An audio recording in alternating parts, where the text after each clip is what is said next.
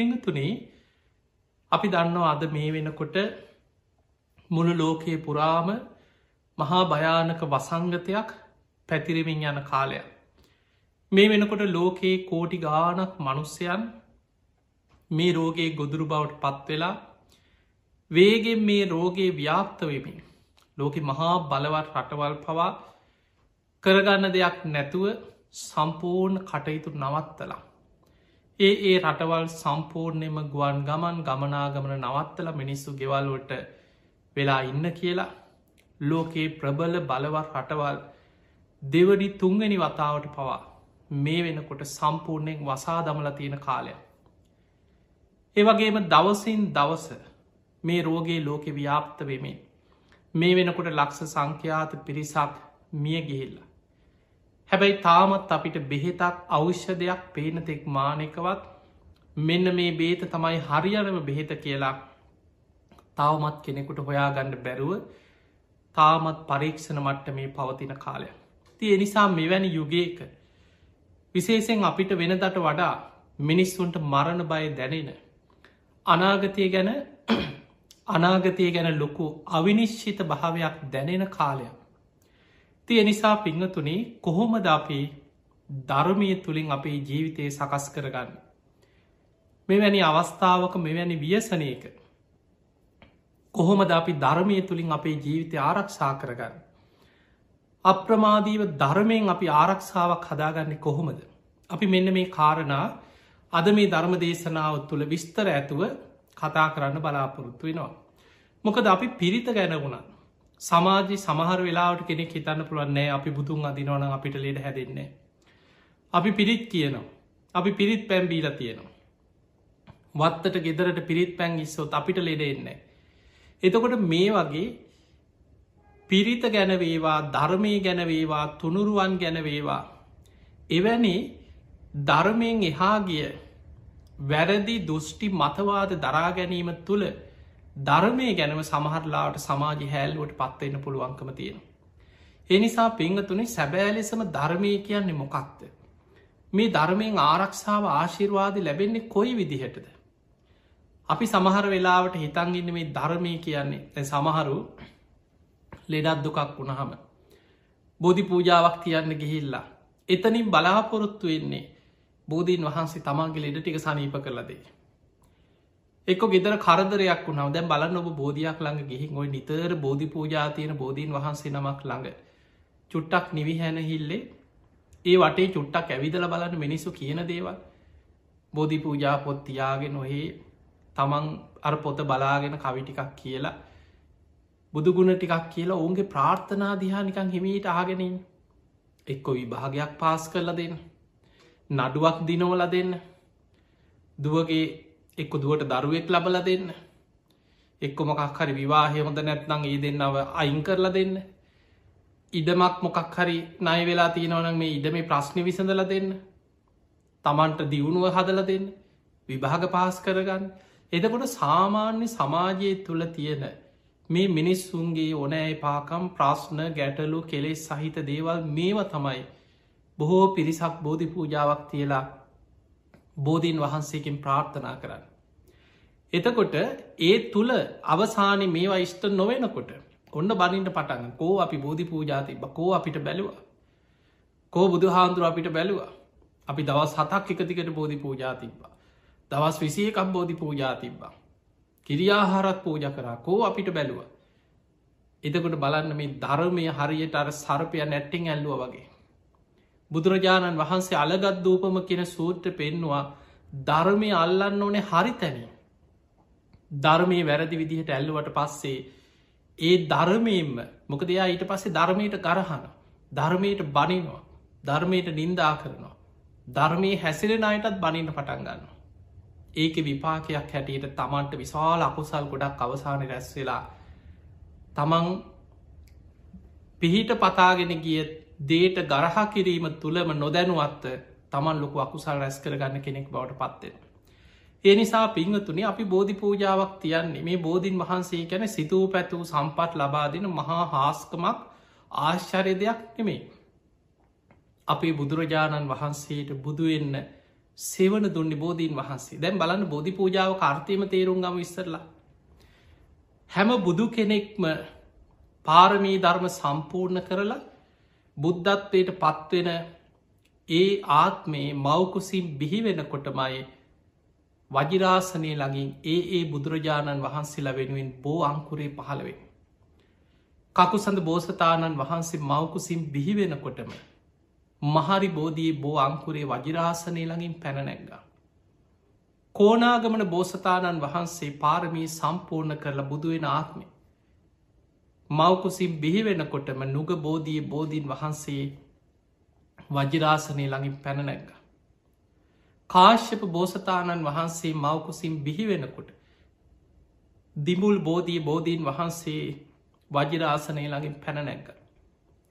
ඔබත් මම සරණගිය අපේ ගෞතම බුදුරජාණන් වහන්සේ පාරමී සම්පූර්ණ කරලා එදා පින්වන්ත මහාමායා දේවිය කුසිල් ලුම්මිනි සල්වනේ ලෝකයට බිහිවෙච්ච මොහොතෙමයි අපි අහලතිනො සහජාත වස්තු පහළ වනා කියලා. එදා උන්වහන්සේ පින්වන්ත මෑනියන්ගේ කුසිල් ලෝකෙට බිහිවෙනකොටම වජිරාසනය ලඟින් ඇසතු බෝධී බෝවංකුරේ පහළ වුණ. අපේ බෝසතාණන් වහන්සේ වසර විසි නමයක් රාජ කුමාරයෙක් හැටියට ගිහි ජීවිතය ගත කර. රම්මය සුරම්මය සුභ මාලිගා අතහැරලා සියලු සැප සම්පත් අතහැරලා විමුක්තියක් පිණිස වසර විසි නමේදි තමයි මහා අභිනිස්ක්‍රමණය කරන්න.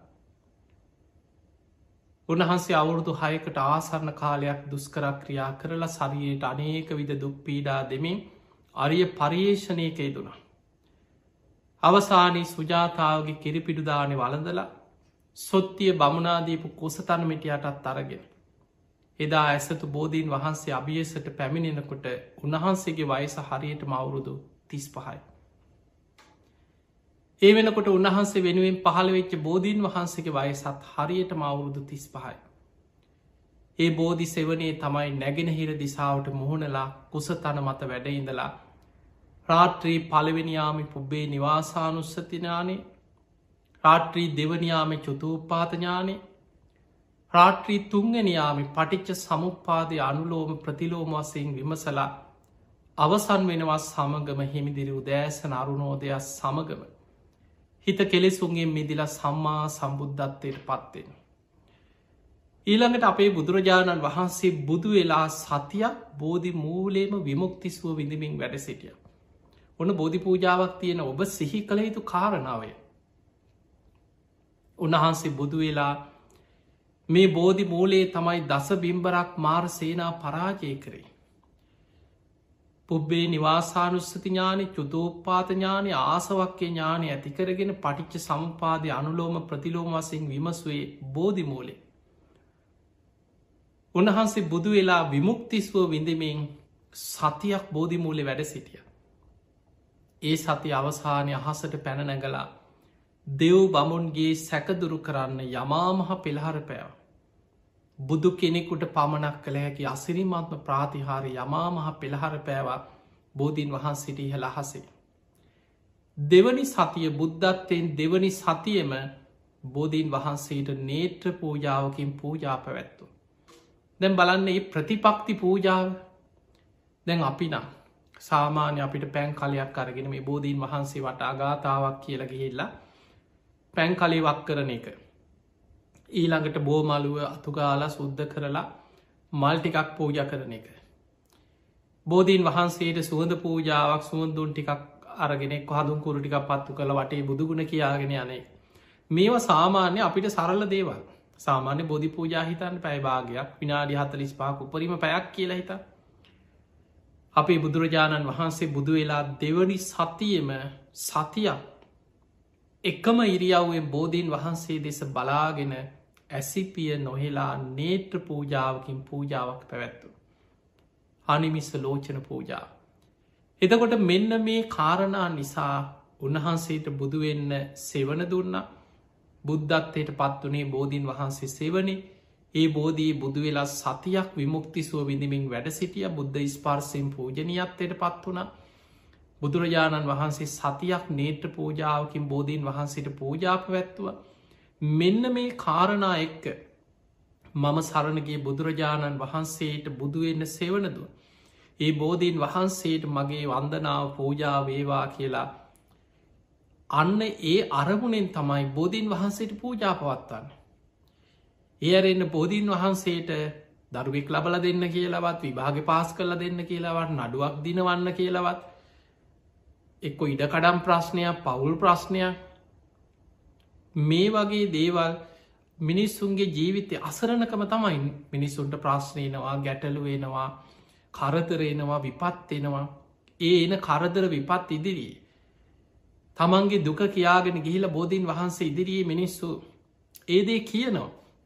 හැබැයි සමහර වෙලාවල්ලොට මිනිස්සු හරියට බෝධී පූජාතියල බෝධීන් වහන්සේට වන්දනා කරලා පිරිත් හැබැයි එතන පලවෙනියට තියෙන්න්න ඕන අවංකත්තේ කෙනෙක් හරියට පන්සිල් රකිනවන කෙනෙක් හොඳට ගුණධර්ම පුරනවන කෙනෙකුට තුනුරුවන් ගැන සද්ධාව තියෙනවන යානිකන් දවසත් දෙකත් තමන්ගේ බේරුමට බෝ කරදරයක් කෙනකොට විතර බෝධීන් වහන්සේ ළඟට ඇවිල්ල පූජාවක් තියලා යන්න නැති නිතර බෝධීන් වහන්සිට පුද පූජා පවත්වන බුදුගුණ සිහි කරන සෑමලුව චෛත්‍ය මලිය අමදිමින් එවැනි පින්කම් පූජාවල් කරනකොට මතකතියාගන බෝධීන් වහන්සේ ලබියස චෛත්‍යරාජාණන් වහන්සේ ලබියස උක්ෂ දේවතාවරු පූජනය ඒ පුුණ්‍ය භූමියවලට වන්දනා කරන දෙවි දේවතාවරු රැස්සෙලා ඉන්නවා.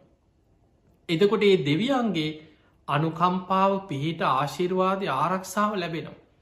අන්න එවැනි දේවල් තුළ නිතර ඇවිල්ල බෝධීන් වහන්සේට පූජා පවත්වන බුදුගුණ කියන දහම්ගුණ කියන ධර්මී හැසිරෙන කෙනාට ඒ දෙවියන්ගේ පිහිට රැකවරන ආශිර්වාදයෙන් ඔහුට සිතක් සාන්තියක් සැලසෙනවා. ඒම අවස්ථා තියෙනවා. හැබැයි අපි බෝධි පූජාවක් තියන්න ඕනෑ සැබෑ ලෙසම බුදුරජාණන් වහන්සේට බුදුවෙන්න සෙවනදුන්. ඒ බෝධීන් වහන්සේට කරන පූජාවක් හැටියට මයි. අපේ චේතනාව අරමුණ වෙනස් වුනාට පස්සේ. දැම්බලන්න අපි භාවනා කරන්න ඕන මොකටද කිලොබ හිතන්. ඇයි කෙනෙක් භාවනා කරන්න. ධර්මය තුළ බුදුරජාණන් වහන්සේ පෙන්නුවේ නිවන් අරමුණු කරගෙන. ධර්මාවබෝධය අරමුණු කරගෙන. සසරදුකින් මිදීම අරමුණු කරගෙන. අන්න භාවනාව ඉලක්කේ. හැබැයි කෙනෙක් භාවනා කරන්න හිතනවා මට තව කෙනෙක්ගේ හිත කියවල මේ හොර බහ හොර හොයන්න යාගේ රහස් හොයාගන්න අහසිං යන්න පුළුවන් වුණු මට මැජික් පෙන්න්න පුළුවන් වුණු ඔය වගේ කොච්චර ඉන්නවද සමහරයි සමහර දරු නොදන්නකමට අපි ළඟ හාන්දුරනේ මේ භාවනා කරලා මට මෙහෙම පුළුවන් වෙයිද මට මේ වගේ හැකියාවක් කරන්න පුළුවන් වෙයිද එහෙම ඇවි ලහන දරුව ඉන්න අපි ළඟට. ඔහුට ධර්මය ඉගෙන ගන්නවත් භාවන කියන්න මොකක්ද? ඒ මොකොවත් මේ අවශ්‍ය වෙන්නේ භාවනා කරලා මොනවාහරි විශේෂ දෙයක් තමන්ට ඇති කරගෙන ඒකෙන් අනිත් අය පහත් කරන්න තමන්ට සමාජි කැපිලපේන්න මටත් මෙහෙම දෙයක් පුළුවන් කියලා සමාජයට පෙන්නන්න. ඒ ඒ අරමුණුවලින් එෙන ඉන්න නැතුව නෙමේ ඒ නිසා පෙංහතුනි අපි හරියට තේරුම් ගන්නට ඕනෑ පිරිත් කිව්වත් පිරිතේ තියෙන ආශිර්වාද මොකක්ද කියලා හරියට තේරුම් ගන්න ඕන. දැන් අපි හිතමු පිරිත. මේ පිරිත කියලා කියන්නේ බුදුරජාණන් වහන්සේගේ බුද්ධ දේශනා පලවෙනිම දේ තමයි පිරිත් පොතේ තියෙන පිරිත් දේශනාදිහා ඔබ හොඳට හොයල බලන් ඒ දේශනාවල පළවෙනිම ඉලක්කේ බුදුරජාණන් වහන්සේගේ අසූ හාරදහසක ධර්මස් කන්දෙ ගත්තා. ඒ දේශනාවල මුල්ම ඉලක්කේ තමයි සංසාරදුකින් එතර කිරීම. චතුරාරි සත්‍ය අවබෝධය නිවන් අවබෝධය. බුදු හාදුරන්ගේ ශ්‍රාවක ඇයි අපි තෙරුවන් සරණයන් ගිහි ශ්‍රාවකයක් ගැන හිතන් ඔබ තිසරණ සහිත පන්සිල් සමාදන් වෙනවා. ඕක අර්ථය දන්න කියෙන් කී දෙනාද කියල ඔබම හොයල බල අපි නිකං පුරුද්ධට පුංචි කාලෙ දං කියපු නිසා ආ පන්සිල්ගන්න බුද්ධන් සරණං ගච්ඡාමි දම්මන් සරණං ගච්ඡාමි කියලා තෙරුවන් සරණ යනවා. පන්සිල් සමාදන් වෙනවා. හැබැයි බොහෝ දෙනෙ දන්නේ නෑ මොනුවද අපි මේ සමාදන්නුනේ. මතකතියාගන්න ඒ අපි සමාදන්න වනේ සෝතාපත්ති අංග හතර. පළවෙනිම ඉලක්කේ සෝවාන් පලට පත්වීම. අන්න ඒ පළවෙනි ඉලක්ක මේ අනුපුබ්බ සික්කා අනුපුබ්බ කිරියා අනුපුබ්බ ප්‍රතිපදා. පිළිවලින් අවබෝධය පැත්තට යන ධර්මයක් මේ. සෝවාන් වෙච්ච ශ්‍රාවකයකුට ඇතිවෙනවා බුද්ධය අවිච්චා ප්‍රසාදය. එයා බුදුරජාණන් වහන්සේ ගැන අච්චල සද්ධාවකින් යුක්තයි. දම්මේ අවිච්චා ප්‍රසාදයට ධර්මය ගැන අචල සද්ධාවකින් යුක්තයි. සංගේ අවිච්චා ප්‍රසාදය යා ශ්‍රාවක සංඝයා ගැන අච්චල සද්ධාවකින් යුක්තයි. ආර්ය කාන්ත සීලේ පන්සිල් සමාදන් වෙලා පන්සිල් රකින ගිහි කෙනෙක් නම් ඒ සීලේ තුළයා දිවිහිමියන්ගේ සික්ෂාපද ආරක්ෂා කරන ආර්ය කාන්ත සීලෙ පිහිටපු කෙනෙක් වෙන සෝවාන් වෙද්දි. එතකොට සාමාන්‍ය සෝවාන්වීම පිණිස මහන්සිගන්න බුදුන් සරණ යන ගිහි ශ්‍රාවකයාගේ අරමුණ තමයි මං කොහොමහරි පළවෙනිම ඉලක්ක මං ආර්යෂ්ඨායක මාර්ගයට පැමිණෙනවා. සෝතාපන්න කැන ආර්යෂ්ඨායක මාර්ගයට පැමිණීම. මම කොහොමහරි සෝවාන්වෙන්. ඒ පිණිසයා බුද්ධන් සරණං ගච්ඡාමි දම්මන් සරණං ගච්ඡාමි සංගන් සරණං ගච්ඡාමි දුතියම්පි තතියම්පි තුන් වතාවක්ම තුනුරුවන් ගැන අධිෂ්ඨානයෙන් සරණයන. උතුම් පංචසීලෙ පිහිට නොමම් මේ ශික්ෂාපද කොහොමහරි රැකගන්න. ඒ තමයි සෝතාපත්ති අංග හතර සමාදන්වෙන්. එතකොට අපි මේ විදිහට මේ ධර්මය ගැන හරි නිරවුල් දැනුමක් තිබුණු. බොහෝ දෙනෙකුට පේන්නේ බණ අහනව ගොඩාක් බණහන. අපිට පේනවා රට පුරා ධර්ම දේශනා දහම් පින්කං වන්දනාවල් කොච්චර මිනිස් එකතු වෙලා බණහනවද. හැබැයි ගොඩාක් දෙනෙක් සමහර බණහෙවට සමහරු බුදුගුණ ටික ඉතිපිසෝකාතාව කටපාඩමින් කියයි. හැබැයි බුදුගුණ නමේ විස්තර කරන්න කිවොත් ඒක අර්ථය දන්නේ. ඒ නිසා මතක තියාගන්න අපි පිරිත් කියනකොට බුදුන් අදිනකොට මේ පිරිතක ආශිර්වාදයක් ලබනකොට අපි සැබෑ ලෙසම ඒ ගැන දැනුමක් අවබෝධයක් ඇතිකරගත යුතුයි අන්න එතකොටයි අපිට ඒක ප්‍රතිඵල ලබන්න පුළුවන්කමතියෙන්. පිංහතුනේ මේ දේශනාත්‍ර දැන් අපි ගමු රතන සූට්‍ර මේ කරදර විපත් වසංගතයනකොට. අපිට නිතර මහන්න ලැබෙන දෙයක් තමයි විශාලා මහනුවර තුම්බිය ඇතිවෙච්ච වෙලාව. බුදුරජාණන් වහන්සේ මහරහතන් වහන්සේලා සමඟ වැඩම කරලා රතන සූට්ට දේශනා කරලා විශාලා මහනුවර තුම්බිය දුරුුණා. ඒ බුද්ධ බලයෙන් ධම්ම බලයෙන් සංග බල බුද්ධ ආඥාවක්කේ පිහිටවත් අධිෂ්ඨානය. ඊළඟට ගංගානන් ගඟෙන් පැන්කර පිරිත් පැන් එකක් අරගෙන බුද්ධ හාමුදුරගේ පාත්තරයට ඒක පෙරලා ආනන්ද හාන්දුරන්ට දෙනවා ආනන්ද බුද්ධ අධිෂ්ඨානයෙන් ධම්ම සංග කියන තුනුරුවන්ගේ අධිෂ්ඨානය බුදුරජාණන් වහන්සේගේ ශ්‍රී හස්තේම අධිෂ්ඨාන කරලා දෙන ආනන්ද නගර ප්‍රාකාර වලලු තුන වටා යමින් නගරයට පිරිත් පැන්හෙන්. එදකොට මෙන්න මේ සිදුවීන් එක්ක අපි රතන සූත්‍රයේ මේ ආශීර්වාදය අපි බලාපොරොත්තු වෙන. අපි මේකත් එක් අපි පැහැදිලිව තේරුම් ගන්න ඕනෑ දේශනාවල අපි දන්නවා දැන් ගිරිමානන්ද සූට්‍ර ගත්තු. අපි ලෙඩෙක් ලෙඩවු නහම සමහරුන්ට ගිරිමානන්ද සූට්‍ර කියනවා. කෙනෙක් හිතෙන්න්න පුළුවන් බොහෝ දෙනෙ හිතාගරන්න යා ලෙඩ වෙලාන පිරිට්ටිකක් කියවන්න ඕන ගිරිමානන්ද සූට්‍ර කිවොත් හරියයි යා ලෙඩ වෙලාන පිරිට්ටික කාමුදුරු කෙනෙක් අරගෙන පිරිට්ටිකක් කියවන්න ඕකට හොඳ බෞද්ධංග පිරිත් ඕකට හරියන්න ගිරිමානන්ද සූට්‍ර එතකොට ඔය වගේ අපි ඒ ඒ පිරිත් දේශනා ගැන අපි කියනවා. ඔබහල ඇති ඕන තරම්. මතක තියාගන්න. ගිරිමානන්ද අපි මේ එකින්න එක ඉස්සල පැහැදිලි කරගන්න ගිරිමානන්ද දේශනාව තියෙන්නේ ගිරිමානන්ද කියන ස්වාමීන් වහන්සේ ලෙඩ වුණා ගිලං වුණා. උන්වහන්සේ හොඳට නිරෝගීව ඉන්න කාලෙ දස සංඥා පුරුදු කරපු කෙනෙ.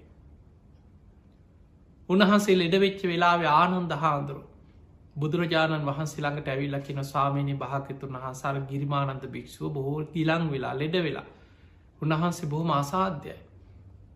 බුදුරජාණන් වහන්සේ වදල ආනන්ද එහෙමනං ඔබ මෙන්න මේ දස සංඥා හොඳට අහගන්න මතක තියාගන්න ධාරණය කරගන්න. ඔබ ගිරිමානන්ද භික්ෂුව ඉදිරියට ගිහිල්ල මේ ගැන සිහි කරන්න කියන්න. ආනන්ද හාන්දුරට බුදුරජාණන් වහන්සේ මේ දස සංඥා ගැන කියලතු. ඒ ගිරිමානන්ද හාන්දුරු කාලයක් පුරුදු කරපුදේ. අනිත්‍ය සංඥා අනත්ත සංඥා ආදීනව සංඥා අසුභ සංඥා පහන සංඥා විරාග සංඥා නිරෝධ සංඥා සබ්බලෝකයේ අනබිරත සංඥා සබ්බ සංකාරයේසු අනිච්ච සංඥා ආනාපාන සති මේ වගේ භාවනා ක්‍රම ගාන භාවනා ක්‍රම දහයක් තිය. මේ භාවනා දහයම හොඳට විස්තර කරලා මේ භාවනා ක්‍රම දහයම හොඳට විස්තර කරලා තේරුම් ගත්තොත් ඔබට තේරෙනවා මේ තුළ තියෙන්නේ තනි කරම ධර්මාවබෝධය නිවන අරමුණු කරගෙන දේශනා කරපු භාවනා දහයක් තියෙන්. අනිත්‍ය සංඥාව මේ පංචුපාදානස් කන්දය ගැන අනිත්‍ය වසයෙන් භාවනා වඩන හැටි. අනත්ත සංඥා අනාත්මයි. මම මගේ මගේ ආත්මය කියලා නේ කිසි දෙයක් තමන්ගේ වසගේ පවත්වන්න බෑ. අනාත්ම වසේ බලන හැටි මේ පංච උපාදානස් කන්දේ ආයතනහය අනාත්ම වසයෙන් බලන හැටි. අසුභ වස මේ ශරීරයේ තියෙන දෙතිස් කුණුප කොටස් බෙද බෙදා අසුභ වසේ මෙනෙහි කරන හැටි. ඔය ආදීනව සංඥල්ලෙ මේ ශරීරයට හැදෙන ලෙඩරෝග කොයි තරන් ලෙඩ හැදෙන කයක්ද කියල මේ රෝග පීඩා හටගන්න ශරීරෙස්ස භාව. එතකොට මෙන්න මේ වගේ භාවනා දහය මේ දහය මානන්ද හාමුදුරු හොඳට අහලා මතකතියාගෙන අර ගිලන් වෙලා හිටපු ගිරිමානන්ද ස්වාමීන් වහන්සේ ළඟට ගිහිල්ලා දස සංඥාගෙන කිව්වා. තතාගතයන් වහන්සේ මේ දස සංඥා ඔබට කියන්න කියලා බුදුරජාණන් වහන්සේ දේශනා කරා කිය. ගිරිමානන්ද හාන්තුරු වැදගෙන හොදට අහගෙන හිටිය. තමන් වඩපු ගුණ ධර්ම. ඒ තුළ හිත පිහිටිය හිත වැඩුණා. ඒත් එක්කම රෝගයේ යටපත් වෙලා උන්වහන්සේ සුව පත් වුණ. දැන් ඒ ගිරිමානන්ද සාමීන් වහන්සේ වඩපු ගුණ ධර්ම මෙනෙහි කරනකොට උන්වහන්සගේ රෝගී සුව පත්ව. ඊළඟට තියෙන බොච්චංග ධර්ම ගැන මහා කස්සපත්තේර බොජ්ජන්ගේ මහා කාශිප මහරහත්තන් වහන්සේ ගිලං වෙච්ච වෙලාවේ බොජ්ජංග ධර්ම ගැන උන්වහන්සේට සිහිපත් කෙරෙවු. උන්වහන්සේ සුව පත් වනා එතනද. මහා මුගල්ලානත්තේර බොජ්ජන්ගේ මහ මුගලම් මහරහත්තන් වහන්සේ ගිලං වෙච්ච වෙලාවක උන්වහන්සේට බොජ්ජංග ධර්ම සිහිකරපු වෙලාවේ උන්වහන්සේ සුව පත් වන උන්වහන්සේලා ඒව වඩපු නිසා. ඊළඟට අපිට පේන අනාත පින්ටික සිටුතුමා ගිලං වෙච්ච වෙලායි බුදුරජාණන් වහන්සේ වැඩම කරලා සෝතාපත්ති අංග ගැන බුදුරජාණන් වහන්සේ සිහිපත් කරෝනොයි අවස්ථාව. එතකොට මේ වගේ ඒ ඒ අය තමන් පුරුදු කරපු ගුණ ධර්ම දේශනාවල සඳහන් වෙනවා. දැන් අපි ගමු මේ ගැන නොදැනගෙන අපි ගම කෙනෙකුට පන්සිලුත් නෑ පංච දුෂ්චරිතයේ මේ දෙන උදේ දං ගෙදර බුදු හාදුරන්ට බයිනවා ගමේ පන්සලි හාන්දුරන්ට බයිනවා දවේශයෙන් වෛරයෙන් කේන්තියෙන් දුරාචාර යෙදියදීන්න මනුස්සෙක් ලෙඩ වෙනවා. ලෙඩවෙච්ච ගමන් ගෙදරායගෙනවා ගිරිමානන් සූත්‍රකීවන් පිරිට්ටිකක් කියවන්න හාන්තුරු ගෙනල්ලා අනේති ස්වාමීන් වහන්සේලට ආරාධනා කරහම උන්වහන්සේලා බොහොම මෛත්‍රී. උන්වහන්සේලා කරුණාවෙන් කවුරුටත් හොරෙක්වුණත් මිනිමරුවෙක් වුණත් අපරාධකාරයෙක් වුණත් මොන තරමි මනුස්සෙක් වුණත් ස්වාමීන් වහන්සේලා පාන්ස කොලට වඩිනවා පිරිත්තට වඩිනවා අනු අනුකම්පාවෙන් උන්වහන්සේලා වැඩම කළ අනුශාසනාවක් කරනවා. දැන් ස්වාමීන් වහන්සේලා වැඩම කළ පිරිත් කියනවා. පිරිත් කියලා ගියාට පස්සේ අප හිත මේ මනුස්සයා සමහරුන්ට පිරිත් කියනකොට අකුසල් කරලා පවකං කරලා කරලා සමහට අමනුස්ස බලවේකවලටත් ගොදුරු වෙලා. ඒවටම නැඹුරු වෙච්ච අමනුස්්‍යයන්ට ගොදුරු වෙලා. පිරිත් කියනකොට ඉන්නත් බැහාන්දුල දකිනකොට හූ කියන ඉන්න. ඒ තරමට මිනිස්සුන්ගේ පිරිහිල සමහරලාවට පිරිත් කියලා ඉවර වෙලා ගෙදර පිරිත් පටියත් දාලා තියෙන. අන්තිමට බයින කෝ ප්‍රතිපල අපි පිරිතුත් දාලා තිබ පැයි විසි අතරෙන් පිරිත්දාල්. හාමුදුරුවජ් ගෙනහල පිරිත් කිව මේ පිරිත් නූලකුත් බැන්ද කෝ ප්‍රතිඵල. පිංහතුනී මතක තියාගන්න ඔබ තුළ ධර්මය තමන් තුළ පිහිටන්න නම්. අර කලයක් මුණින් හරවලා කලේට වතුරවක් කරලා වතුරවක් කලා කෝ වතුර කිය ලහනවා වගේ ඔබ තුළ මතක තියාගන්න ධර්මය ඔබට ප්‍රතිඵල ලබා දෙන්නේ ඔබ ප්‍රතිඵල ලබන්න සුදුසු මට්ටමේ ගුණධර්ම ඇතු වාසයකරු. ප්‍රධානමදේ ඔබ සිල්වත්වෙන්. පංච සීලේවත් ඔබ ආරක්ෂා කරන්න පුරුදුවෙන්. ඔබ කොච්චර පිරිත් පටි දාලා තිබුණත් පිරිත් පැන් ඉහ හා හිටියත්. පිරිත් කලවලින් නනා හිටියත්. ඔබ තුළ පන්සිල්වත් සමාදන් හරියට පංච සීලේවා රැකගන්න බැයිනම්. පිරිතට බැල්ල වැඩක් නෑ ප්‍රතිඵල නැත්තේ ඒ ධර්මය ඔබට පිහිටන්න තරම් ඔබ තුළ ගුණයක් නැති නිසා. අන්නේ නිසා ගෙවල් වල දැන්වත් දැන් අපිට කරදර බාධා විපත් එනකොට දැන් මනුස්සයකුට කෙනෙකුට සමහරලාවට නිකං ධර්මය කියති තේරෙන් නැති කෙනාට කරදර විපත් එනකොට බයට හරි තේරෙනවා. දැන් අපි දන්න සමහරු තරුණ කාලේ ඔහේ ධර්මයට බයිනවා පන්සලට බයිනවා හාන්දුරන්ට බයිනොව මොන බණද? කියලාහනවා හැබැයි ලෙඩ වෙලා වයසට යනකොට. සමහරු වයසට යනකොට තරුණ කාලි මැදි වයසෙ ඔහේ කේලං කිය කිය අකුසල් කර කර පවකං කර කර පංච දුෂ්චරිතය මේ දීන්න ඉන්න බොහෝ දෙනෙ හැබැයි වයසට යනකොට තමන්ගේ වයසේ සමානාය දකිනවා. එකට ගමේ හිටපු අය ඒ කාලි ගමේ මුල්ම කාලෙ හිටපු යාලු දැන් හැමෝම් වයසට ගිහිල්ලා එක්කෙනා දෙන්න දැන් ලෙඩ වෙලා මැරෙනවා. ආරංචි වෙන වන්න අසවලා මැරිලා. සිරිපාලක් නැති වෙලා. අන්න සුමන දාසක් නැති වෙලා. අන්න අසවලත් මැරිලා. තමන්ගේ වයසේ අය මැරෙනකොට පෙට්ටිවලින් උත්සගෙන සොහොනට ගෙනියනවා දකිනකොට හිතට බයක් ඇතියෙනවා ඊළඟට කාටද? දැන් ඊළඟට මටද දන්නේ? මමට ලෙඩින් ඉන්නේ. අරයත් නැති වුණා මෙයත් නැති වුණ. අන්න එතකොට සමහරුන්ට පන්සල මතක්කෙන් අමාරුවෙක් හැරමිටි ගහගෙන හරිට පස්සේ සිල්ඩෙත් දක් ඇනගෙන පන්සලටය මෙහෙම පන්සලට ගිහිල සමහරුන්ට බණහන්න තියා ඉඳගන්නවත් බැකොන්ද රිදෙනවා කකුල් දෙක තියාගෙන ඉන්න විදිහක් නෑ. ධනිශ්‍රී දෙනවා බණ කියනකොටම නින්ද යනවා. බුදුන් අදින්න ගියත් නින්ද යනවා. මෙහෙම තමයි බොහෝ දෙනෙක් උපාසක අම්මලා උපාසක චරිත ගත්තොත් අභ්‍යන්තරයේ බොහෝ පිරිසක් ධර්මය අල්ලන්නේ ඇත්තටම ධර්මය අවබෝධ කරන්න අදහසකින් නෙමෙයි. අඩුම ගානෙ දැන් හරි දැන් අපිට පේනවා මේ ලෝකයේ පුරා මොන තරම් සමහරු හිතාගෙන හිටිය විද්‍යාව තමයි ලෝකෙ දියුණුමද කරන්න බැරි දෙයක් නෑ. ඕන දෙයක් කරන්න පුළුවන්.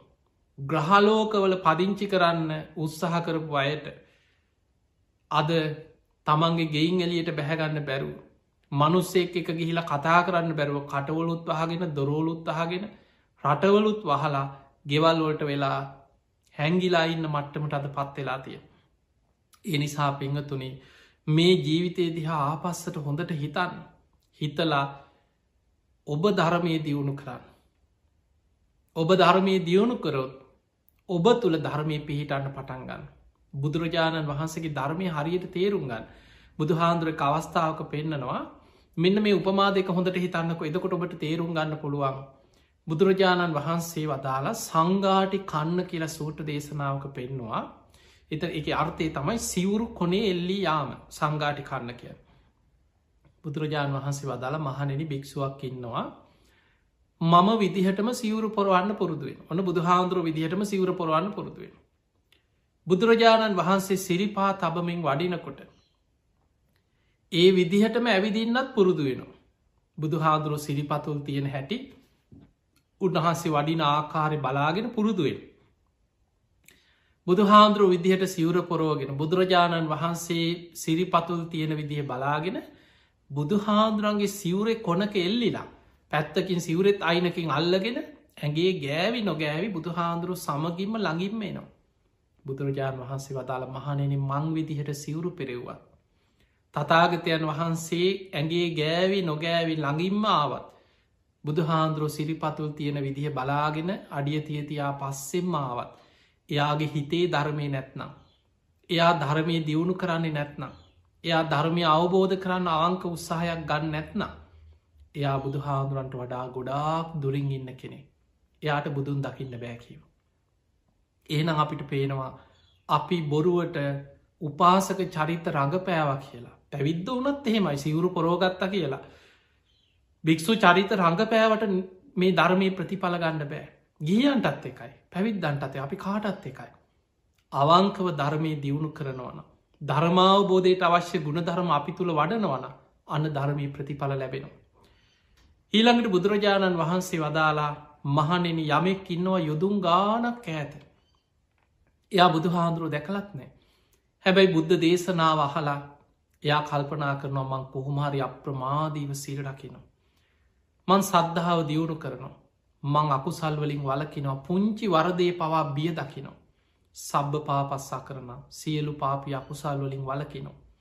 කුසලස් උප සම්පදා පුළුවන් තරම් පින් කරනවා කුසල් වඩනවා ධර්මය දියුණු කරන්න උත්සාහයක් ගන්න. සචිත්ත පරියෝ දපන තමන්ගේ හිතේ හටගන්න රාග දේශ මෝහ ඉරිසියා මාන්න කුහකකම් මේ අකුසල්වල ආදීනව මෙනෙහි කර කර ඒවා හිතෙන් ප්‍රහාණය කරගන්න මහන්සිගන්න. බුදුරජාණන් වහන්සේ වදලයා යොදුම් ගානක් ඇත හිටියත්. මගේ ළඟින්ම ඉන්න කෙනෙ. එයා බුදුන් දකින කෙනෙ. එයා ඇස් දෙකෙන් නොදැක්කට ධර්මයෙන් බුදුන් දකින කෙනෙ. ඔන්න බලන්න බුදුරජාණන් වහන්සේ පැහැදිලියෝ බුදුන් දකින හැටි පෙන්නල දීපු ආකාරය. ඒ නිසා අපි ගෙදර කොයි තරන් පැයි විසි අතරම පිරිත් පටිදාගෙන ගෙදර පටිය දාලා තිබුණා. සමහරලාවට පිරිත් කියනවා පිරිත් පැන් එහිනවා පිරිත් නූල් එල්ලගෙන පිරිත් නූල් බැඳගෙන හැබැයි පංචසීලෙවත් පිහිටල නැත්නම්. කෝ පිරිත ප්‍රතිඵල කියලා අහල වැඩක් නෑ. ඒ නිසා මතක තියාගන්න ඔබ තුළ ධර්මය ජීවිතයට එකතු කරගන්න. අන්න එතකොටයි ප්‍රතිඵල ලබන්න පුළුවන්. ඊළඟට බුදුහාන්දුරු දේශනා කරනා වක්කලි හාන්දුරන්ට. වක්කලී කියන භික්‍ෂුව බුදුහාන්දුරන්ගේ රූපයට ආසාාවෙන් ඒ රූපයට උන්වහන්සගේ දෙතිස් මහා පුරුෂ ලක්ෂණ තියෙන බුදුරුව දහම් දෙසනකොට සතර දළදාගින් සුදු බුදු රැස්සී දෙනවා. ඒ බුදුහාන්දුරන්ගේ අෂ්ටංග සමන්නාගත බ්‍රහ්මස්වරේ මෙන්න මේවට තමයි පැවිදි වෙලා වැඩිපුර ඇලුම් කරේ බුදුහාන්දුරුව කියන ධර්මය අවබෝධ කරන්න නෙමේ. බුදුහාන්දුරන්ගේ රූපෙ දිහා බලාගෙන කට හඬහන්න උන්වහන්සේ බණ කියන විලාසි බලාගෙන හනේ පුදුම කෙනෙක් කියලා බුදු හාන්දුරු දිහාම බලාගෙනන්න. ඔහොම හිටපු වක්කලි හාන්දුරු ලෙඩ වුණ. බුදුරජාණන් වහන්සේ ගිලං වෙච්ච වක්කලි හාන්දුර ළඟට ඇවිලකින වක්කලි. වක්කලි හාදුරන් ඇහ වක්කලි දැන් ඔබ ලෙඩ වෙලා ගිලං වෙලා. ඔබේ අසනීපෙ කොහොමද කියලා ඇහවා. ඉස්සල්ලා ලෙඩේ ගැන ඇහුව. ඉතින් කියන ස්වාමීනි මගේ රෝගයෙන්න්න එන්න වැඩිවීමක් නිසා කඩුවීමක් නන්නේ එන්න එන්න වේදනාව වැඩි වෙනවා. ඊට පස්ස බුදු හාදුරහන වක්කලේ කායික රෝගයට අමතර ඔබේ හිතේ දුකක් පීඩාවක් තියෙනවද අනේ හෙමයි ස්වාමීනය කියෝ වෙන දමම් බුදු හාන්දුරංග දකින්න දවසට වතාවක් දෙවතාවක් එනවා. මට දැම් බොහෝ කාලෙකින් බුදු හාන්දුරුව දකින්න බැරි වුණම ලෙඩ වෙලා එක තැන් වුණට පස්සේ. මං ගොඩාක් හිතේ දුකෙන් ඉන්නේ. අන්න එතනති බුදුරජාණන් වහන්සේ වදාලා කින්තේ වක්කල ඉමිනා පූති කායන දිට්ටේන. වක්කලි ඔබ මේ කුණු ශරීරයක් දිහා බලාගෙන ඉඳල ඇස් දෙකෙන් ඔබට මාව දකින්න බෑ කියෝ. දෙතිස් මහා පුරුෂ ලක්ෂණ තියෙන බුදුරජාණන් වහන්සේගේ බුදුරුව ගැන බුද්ධ කාය ගැන උන්වහන්සේ වක්කලි හාදුරට දේශනා කන වක්කලින් මේ දෙතිස් මහා පුරුෂ ලක්ෂණ තිබුණත් මේ කුණු ශරීරයක්. ලෙඩවෙන වයිසට යන ජරාවට පත්වෙන කයක් මේ තියෙන් ඔබ ඇස් දෙකින් මන්දිහා බලාගෙන හිඳලා ඔබට ඒ තුළින්නම් බුදුන් දකින්න බෑ. වක්කලි ඔබට බුදුහාන්දුරන් හරියට දකින්න අවශ්‍ය නම් යෝ දම්මම් පස්සති සෝමම් පස්සති. ඔබ ධර්මය දකින්න. ඔබට ධර්මය මාව දකින්න පුළුවන් හරියටම. වක්කලි ඔබ ධර්මය දැක්කොත්. යෝ දම්මම් පස්සති සෝමම් පසති ඔබ මාව දකිනෝ. අන්න එහෙනම් බුදුන් දකින ක්‍රමය. ඒ නිසා පිංහතුනේ අපි පිරිත් කියන්න ඕනෑ බෝධි පූජාතියන්න ඕනෑ අපි මේ හැම දෙයක්ම කරන්න ඕනෑ අපි උතුම් සීලේක පිහිටලක් ගුණේක පිහිටල ධර්මය අපි තුළ ඇති කරගෙන පිහිටවාගෙන අපි ධර්මය ආරක්ෂාව ආශිර්වාදි ලබන්න උත්සාහ කරන්නවා. එනි සාපි දැක්ක මේ වසංගතයනකොට. මුල්ම කාලෙ ඔබ හිතන්න මීට මාස ගානකට පෙර. මේ රෝගේ වැඩිපුරම අනෙක් රටවල්ලොල චීනය වගේ රටවල්ලින් ආරම්භ වුණ අපි කවුරුද්දන්න එතකොට ඒ ප්‍රදේශවල තියෙන කාලෙ තමයි අපේ රටේ පලවෙනි රෝගයා දෙන්න වාර්තා වෙනකොට මිනිස්සු හොඳටම බය වෙලා පෙරුම් කායම් බැඳගෙන සමහරුය බොන්න ගත්තා. නිතර කොත්ත මල්ලි බොන්න අවෂදිය පානේවල් නොයෙක් දේවල් පටන් ගත්තා. ඒ දවස්වල ඔබට මතක ඇති මුල් කාලෙ කොච්චර රතන සූට්ට කිවද. හැම පන්සලකම පිරිත් කියනවා. ගෙවල්වල මිනිස්සු පිරිත් කිව්වා. හැබැයි ටික කාලයක් යනකොට එක ටික කාලයයි. ඒක එහෙමම ඉවර වුණ. ඊට පස්සේ ගානක්කත් නෑ මේ රෝගෙ ලෝක පුරා ව්‍යාප්ත වේගෙන යනකොට ගානක්කත් නැහිතුව නෑ අපිට නෑ අන්න අර රට මෙහෙමයි ඒ රට මෙහෙමයි අපිට නෑකයක හිටිය. දැන් රෝක ආයමත් ලංකාපුරා ව්‍යාප්ත වේගෙන යනවා. මේ තුළ දැන් අර පරණයව මතකත් නෑ. දැන් අපි දැක්ක පවුගේ කාලි මොනව වුනත් පිංහතුනේ කවුරු ඒවා කවුරු කරත් පිරිත් කියනකොට පිරිත් පැන්ටිකක් එහෙනකොට මේවට ගරහන බනින එක එක දේශපාලන කෝනවලින් වෙන්න පුළුවන් මේවත් එක්ක බොහෝ වෙලාවට මිනිස්සු කොච්චර පව් කරගන්න අකුසල් කරගන්න පිරිසා අපිට සමාජය තුළ දකිින් ලැබෙන. තිය නිසා පෙන්වතුනේ හිතට එකඟව අවංකව ඔබ ගුණධර්ම තුළ පිහිටලා ඔබේ ආරක්ෂාව ධර්මයනුත් ආරක්ෂාව හදාගන්න ගම රෝගයකදි මතකතියාගන්න ඒ රෝගයෙන් වලකින්න නං කළ යුතු වෛද්‍යවරුන්ගේ උපදෙස් ඒ ආරක්ෂණ ක්‍රමතියෙන් බුදුරජාණන් වහන්සගේ ධර්මී පැහැදිලිව බුදු හාදුරුව පෙනම් මග හැරීමෙන් ප්‍රහාණය කළ යුතු ආශ්‍රව කියලා සබ්භාසව සූත්‍රයේ මේ කෙලෙස් ප්‍රහාණය කරන්න නම් ආශ්‍රව ප්‍රහාණය කරන කෙනා සමහර අවස්ථා තියෙනවා ඒව මග හැරල යන්න ඕන. තැන් ගොන්න බුදු හාන්දුරු පෙන්න්නනවා තනි අලිය ඉන්න පාරක් තියෙන මේ අලිය ඉන්න තනි පාරේ. කෙනෙක් කියන ඔය පාරි අලිය ඉන්නවා යන්න එපා. එයා කියන නෑ මං මේ මං පිරිත් කියාගෙන යන්නේ. මං රතන සූත්‍ර කියාගෙන යන මට ගහ අලියෙක් නෑ කියල යනවා. දැන් අලිය ගැහවුවොත් කවුද වැරදි? රතන සූට්‍රිද වැරදි? බුදු හාන්දුරුද වැරදි? ඒවා මගහැරීමෙන් ප්‍රහාණය කළ යුතු ආශ්‍රම. ඊළඟට කටු සහිත මාර්ග කවරු හරි කියෙන මේකේ කටු වලවල් තියෙනවා. මේකේ මොනහරි අනතුරු තියන මේ පාරය යන්න එපා. ඊළඟට උල් තියෙනවා කටු තියෙනවා බොරුවලවල් කපල තියෙනවා. කෙනෙක් කියන නෑ මං වැටෙන්නෑ මං මේ හරියට මේ පන්සිල් සමාදන් වෙලා මං උදෙත් පන්සිල් ගත්තා. මං පිරිත් කියන කෙනෙක් මං ගෙදර තුන්සූට්‍ර කියන කෙනෙක් මට කරදරයක් වෙන්න නෑ කියල යනවා. ගිහින් අනතුරේ වැටුනොත් බුදු හාන්දුරන මේ වැරදි. ඒ නිසා ඒව මගහැරීමෙන් ප්‍රහාණය කළ යුතු ආශ්‍රව.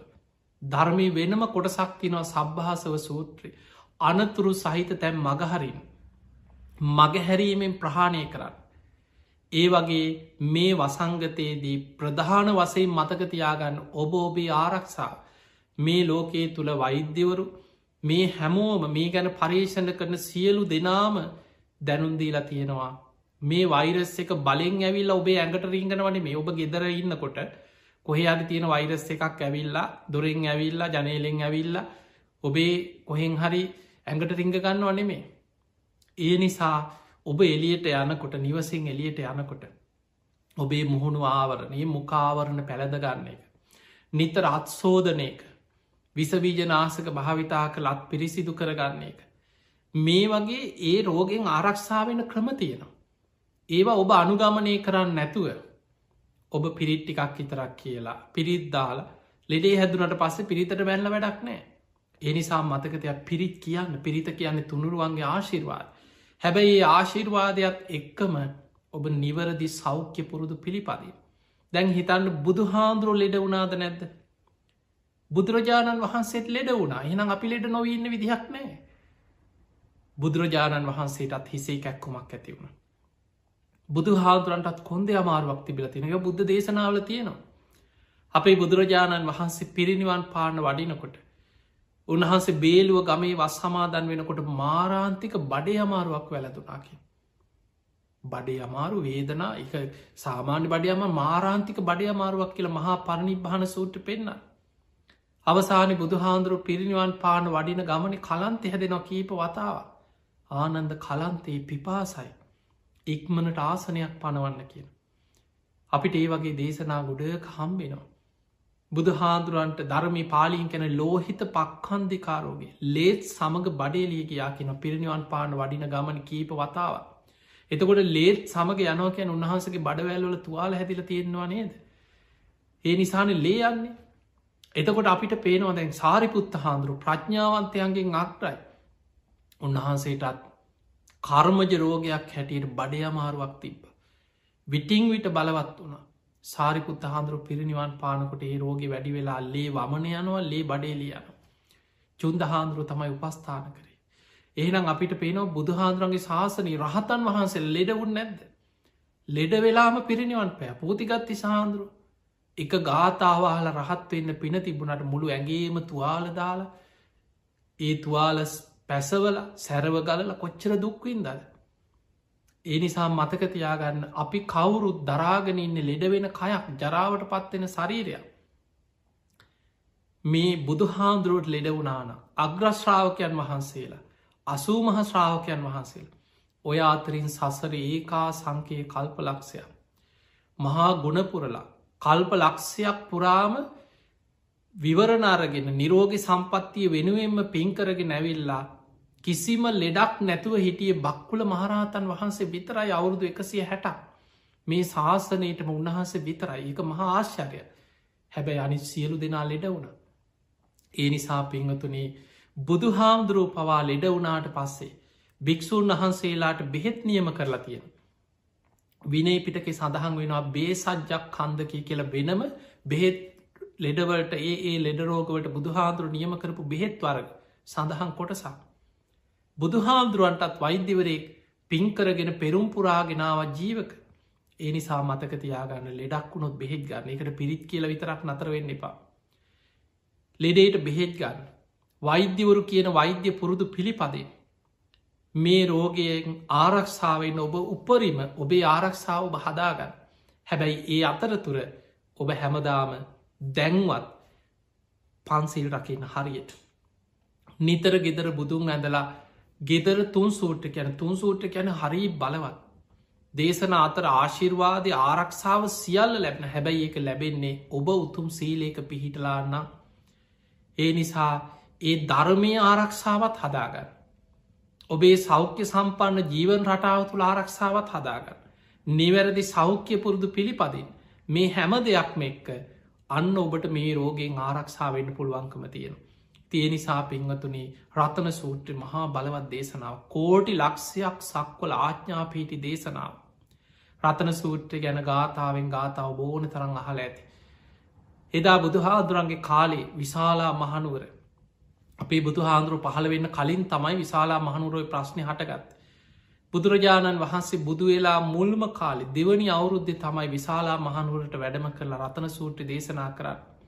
ඒ වෙනකොට මේ රෝගයේ විශාල වසයෙන් පැතිරිලා වසංගතය ඒත් එක්ක දුරුභීක්ෂය ඒත් එක්ක අමනුස්්‍යයන් නගරේ අරක්ගෙන. රෝග දුර්භික් සමනුස්්‍ය කියන තුම්බියෙන් මුළු නගරේම අසරණ භාවයට පත්වෙලා. මිනිස්සු තැන් තැන්වල පාරවල්වල වැටිලා මැරිලා හේම කුණු වෙලා යන. කවුරුඩ් ලංවෙන් නැමොකද මේ රෝග පැතිරෙන නිසා. ඒ වසංගත කියන පැතිරිලා යන. බෝ වෙනවා. මුත ශරීරයකින් පවායක පැතිරෙන පුළ ඒ නිසා තමයි අද පවා ඔබ දන්නවා එවැනි රෝගී හද බලන්න මේ රෝගී වැළඳුනාට පස්සේ කෙනෙක් මිය ගිය. පාන්සකූලයක් තියන්න.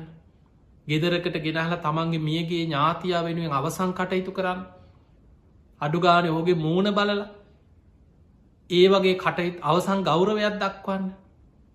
ඒ කිසි දෙයක් කරන්න පුළුවන්කමක් නෑ ඉක්මනින් ගිහිල්ල පුච්චලා ඔහු ඇඳගෙන හිටපු ඇඳුම් මේ සියල් පුළුස්සල ඔබ දකිනවා ඒ විදිහට ඒ කටයුතු අවසන් කරන්න මේ රෝගේ පැතිරීමේ අවධානමක් තියෙන නිසා.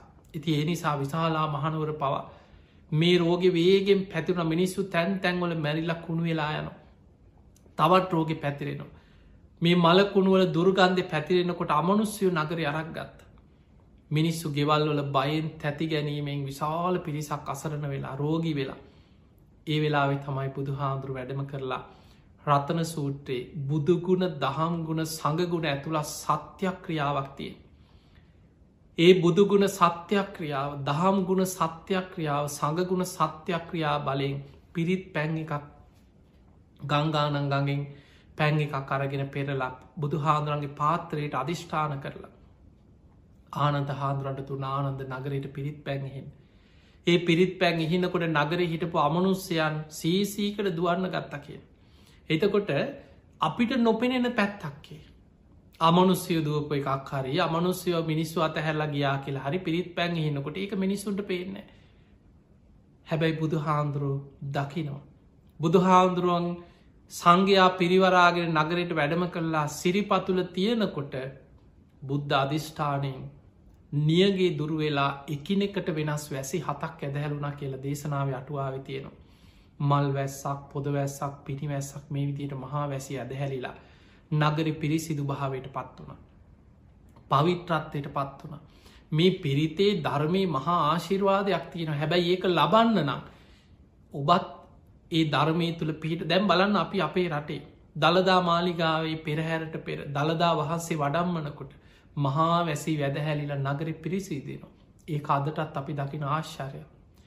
ඒවගේ අපේ රටේ පව අතීතයේ නියග දුර්භික්ෂ ඇතිවෙච්ච වෙලාවල් රජවර උතුම් සීලේක පිහිටලා ගුණධර්මෝල පිහිටල සත්‍යයක් ක්‍රියා කර. ඒ වගේ අපිට පේන වරුවන් වැලි මහා සෑයි සත්‍යයක් ක්‍රියා කළ තින අතීත රජවරු රටේ නියක දුර්භික්ෂ ඇතිවෙච්ච වෙලාවල්වල. ඒ නිසා විපත් පීඩා කරදර ලෝකෙ කවදත් එන්න පුළුව. ඒ කරදර විපත් එනකොට ඒවැන් ආරක්ෂාවන්න නම් ඔබ ඒ කටයුතු ගුණ ධර්මවල පිහිටල ධර්මය පිහිටල පිරිති ආශිර්වාදය ලබාගන්නවා වගේ මේ සෞඛ්‍ය පුරුදු ඒ සියල්ල පිළිපදේ. ඉතින් බුදුහාන්දුරුව එදා විශාලා මහනුවර නගරයට වැඩම කරලා. ඒ රතන සූට දේශනාව දේශනා කරද්දි කෝටි ලක්ෂයක් සක්වල දෙව් බමුන් අහසි පිරිලා ඉතිරිලා ඒ බුද්ධ ආඥාව ධර්මය ආඥාව සංඝ ආඥාව පිළිගත්ත කිය. රතන සූට්‍රයේ පළවෙනි දෙවනි ගාථා දෙකෙන් තියෙන්නේ දෙවියන්ට ආරාධනා කරලා. බුදුහාන්දුරුව දෙවියන්ගෙන් ඉල්ලීමක් කරනවා. මේ මනුස්ස වර්ගයා ගැන මෛත්‍රී සිත ඇති කරග. මෙත්තං කරෝත මානුසියා පජාය. දිවාච රත්තෝච හරන්තියේ බලින් තස්මාහිනේ රක්ක තප්ප මත්තා. මේ මිනිස්සුන්ග දවල් රෑ දෙකේම මේ මනුස්්‍යයන් ගැන මෛත්‍රේසිත ඇතිකරගෙන මේ නගරවාසී මේ මනුස්්‍යයන් ආරක්ෂා කරන්න කියලා දෙවියන්ගේ ආශිර්වාදය ආරක්ෂාව මේ නගරවාසින්ටත් ලබා දෙන්න කියලා බුදු හාමුදුරුව රතන සූට දේශනා කරන්න. ඒ දේශනාවේ හැම ගාථාවක මෙතනින් පස්සෙ තියෙන බුදුගුණ දහංගුණ සඟගුණ ඇතුළ සත්‍යක්‍රයා. තිය නිසා පංහතුනී භාවනාවක් හැටියට ගත්තා. බුද්ධානුස්සතිය දම්මානුස්සතිය සංගානුස්සතිය මේ කියන අනුස්සති භාවනා වඩන්න පුළුවන් මෙන්න මේ ගාථාවේ තියෙන අර්ථය තේරුම් ගැනීම තුළ. ඒ වගේ ආශිර්වාදයක් හැටියට විශාල ආශිර්වාදයක් රැකවරණය. තිය නිසා මේ වසංගතය පැතිරීගෙන යන කාලෙ අපි දන්න අපේ රටේ මේ වෙනකොට නොඒක් ප්‍රදේශවලින් අපිට හිතාගන්න බැරි විදිහට මේ වසංගතය ව්‍යාප්ත වේගෙන යනවා. නමුත් රටක් වසයෙන් ගත්ත මේක වහල තිබ්ල දැම් හෝ දෙනෙක් මේක වහන්න වහන්න ඒ තුළ කොච්චර නං පිරිසක් පීඩාවට පත්ත මිනිස්සු ගෙවල් වහගෙන හිටිය කියලා කවුරුත් මිනිස්සු කැමති ගෙදරටලා ඉන්න කවුරු අඩිගෙනල්ලා එහෙම සල්ලි දීලා කණ්ඩ දෙන්න එහෙම පුළුවන්කමක්නේ කොච්චර මිනිස්සු පීඩාවට පත්වෙනවා. යමක්කමක් තියෙන යම් හැකියාවක් තියෙන පිරිසක් විතරක් කාල බීලා ජීවත්තේ. ඒ අතර අහිංසක මිනිස්සු ලක්ෂ ගානක් මිනිස්සු කන්නවත් නැතු. මේ ප්‍රශ්න එනකොට මිනිස්සුන්ට ආර්ථික ප්‍රශ්නය එනකොට සෞඛ්‍ය පුරුදු අමතක වෙන. දැන් ඔබ හිතන්න දරුවන්ට කන්න නැතුව ගෙදර අඩනකොට ළමයින්ට කන්න දෙයක් නැත්නම් ගෙවල්වල මිනිස්සු දුක්විදිනකොට වේල් දෙක තුනක් කන්න නැතුව ළමයි අඩනකොට ලෙඩේ හැදුනත් කමක් නෑ කිය අම්මලා කොහෙන් හරි එලියට ගිහිල්ලා කොහෙන් හරි කඩේකට හරි ගිහිල්ලා කඩේ පිළිකන්නෙන් හරි ගිහිල්ලා කොහෙන් හරි කෑමටිකක් හොයාගන්න එලියට යනවා. කොච්චර යන්න එපා කිව්වත්. ඒ නිසා මතක තියාගන්න මෙතනදී අපි හැමෝම අපිට පෙනවා ලෝකෙ දියුණුම රටවල් පවා මුලදි වහල උත්සාහ කර අඩුගානේ බැරිම තැන ඒ රටවල් විවෘත්ත කරා. තමන්ගේ ආරක්ෂාව හදාගෙන ඒ මුකාවරණ පැළල්දගෙන නිතර අත්සෝදන්න පිරිසිදුවෙන ආරක්ෂාවෙන් රෝගෙන් ආරක්ෂාව වෙන ගම ඔබ ඉදිනිදා කටයුතු කරගන්න කෙළෙතින් ඒ නිසා අපිට අනාගති අපි දන්නේ නෑ මොන වගේ විපත් තව එන්න එන්න මේ වසංගතය විතරක් නෙමේ භූමි කම්පායනවා. නායාම් වෙනවා. විශාල ජල ගැලීම් වෙනවා මුහුදු ගොඩ ගැලීගෙන මේක තමයි ලෝකෙ ස්භාවය. ලෝකෙම තියෙන්නේ දුකක් මත විපත් ගොඩක් මත අප්‍රමාදීවෙන්. ඒ නිසා අප්‍රමාදීව ගුණධර්ම පුරන් අන්නේ නිසයි බුදුරු පහළ වෙලා අපිට පෙන්ල දෙන්නේ මේ භයානක සංසාරය මිදන්න මහන්සි ගන්න මේක දුකක් කියල. බුදුරජාණන් වහන්සේ පෙන්න්නපු පලවෙනිම දේ තමයි දුක්කාරය සත මේ කාරය සත්‍යයක් ඉපදීමම දුකා ඉපදිච්ච නිසානේද මේ සියලු දුක්ග හැටවලට මේ මිනිස්සු විඳින්නේ. ලෙඩවීම දුකක්. වයසට යාම දුකා සෝක පරිදේව දුක්ක දෝමනස් උපායාස. ප්‍රියයන්ගෙන් වෙන්වීම අප්‍රියන් සමග එකතුවීම කැමතිදේ නොලැබීම මරණය. ඕනමේද දැම්මේ අපි අත්දකින්නේ. ඒ නිසා මේ සියල්ලත් එක්ක මේ ගැඹුරු ධර්මය බුදුරජාණන් වහන්සේ දේශනා කරපු ධර්මය හරය යථාර්ථය තේරුම් අරගෙන ඒ ධර්මය අවබෝධ කරගන්න අදහසින් අවංකව තිසරණ සහිත පන්සිල් සමාදන්වේ. කර්ම කරම් පල විශ්වාසය ඇති කරගන්න ලෞකික සම්මාධිට්්‍ය ඇති කරගන්න. අන්න එතකොටයි ඔබට ධර්මය පිහිට ආශිර්වාද ලැබෙන්. ඔබ පිරිත් කියන්නං වාරේ පිරිත් කියලා.